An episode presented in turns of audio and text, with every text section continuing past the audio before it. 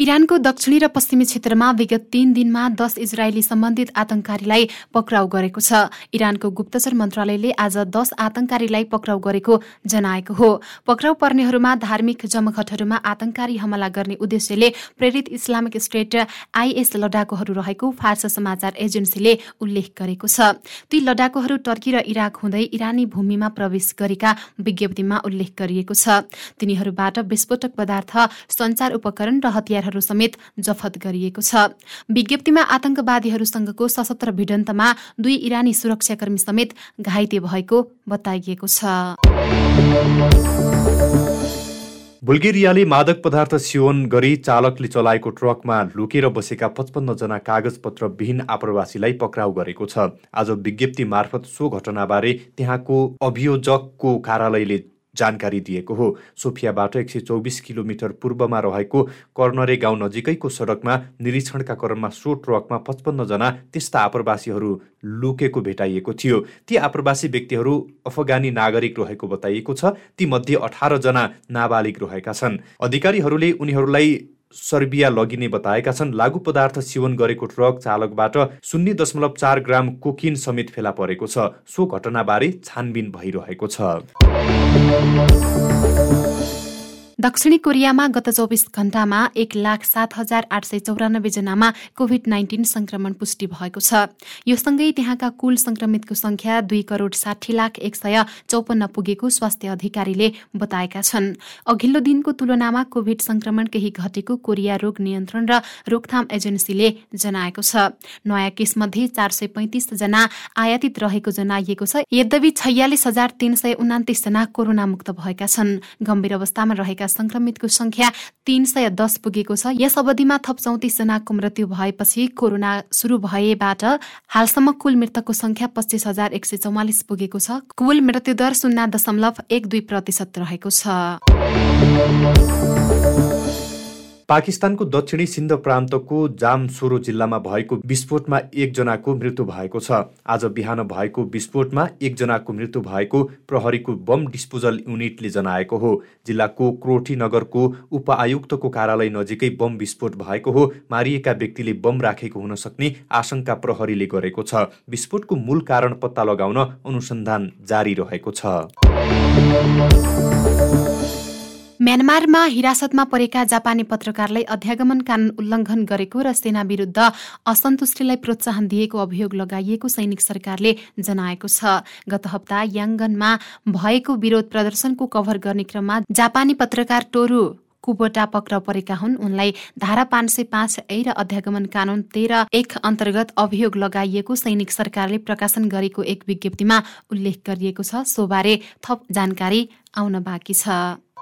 Thank America र भारतका विदेश मन्त्री बीच कम्बोडियामा भेटवार्ता भएको छ। आज दक्षिण पूर्वी एसियाली राष्ट्रहरूको सङ्घको मन्त्री स्तरीय बैठकका क्रममा भेटवार्ता भएको अधिकारीहरूले जानकारी गराएका हुन्। बैठकमा भाग लिन भारतका विदेश मन्त्री एस जयशङ्कर अमेरिकाका विदेश मन्त्री एन्टोनी ब्लिनकेन लगायतका नेताहरू कम्बोडियामा रहेका छन्। भेटवार्ता अति नै राम्रो भएको र समसामयिक विषयमा सामान्य छलफल भएको दुवै पक्षका अधिकारीहरूले बताएका छन्। अमेरिकी विदेश मन्त्री ब्लिन केनले यस भेटलाई आफूले राम्रो अवसरका रूपमा लिएको प्रतिक्रिया दिएका छन्।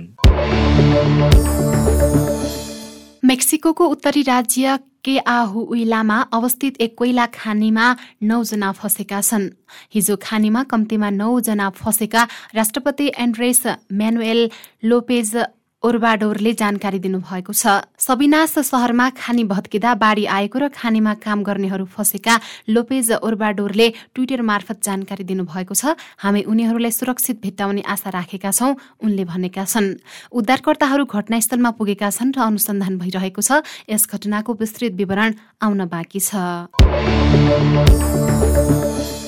श्रीलङ्काका दुई नेतालाई देश छाड्न प्रतिबन्ध लगाइएको समय अवधि म्याद थप गरिएको छ। बुधबार सर्वोच्च अदालतले पूर्व प्रधानमन्त्री महिन्दा राजापक्ष र पूर्व अर्थमन्त्री बसिल राजापक्षलाई प्रतिबन्ध लगाउने समय अवधिको म्याद थप्ने आदेश दिइएको हो। उनीहरूलाई आगामी अगस्त एघारसम्म देश छाड्न नपाइने आदेश दिइएको समाचारमा जनाइएको छ।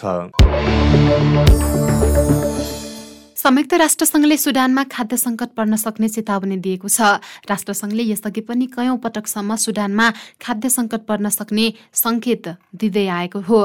यहाँ खाद्यान्नको अभाव टार्नको लागि आवश्यक पर्ने अन्तर्राष्ट्रिय सहयोग उपलब्ध हुन नसक्ने हो भने छिट्टै नै खाद्यान्नको अभाव पर्ने राष्ट्रसङ्घले जनाएको हो। राष्ट्रसङ्घको मानवीय सहायता सम्बन्धी निकायले हिजो सो कुरा बताएको हो।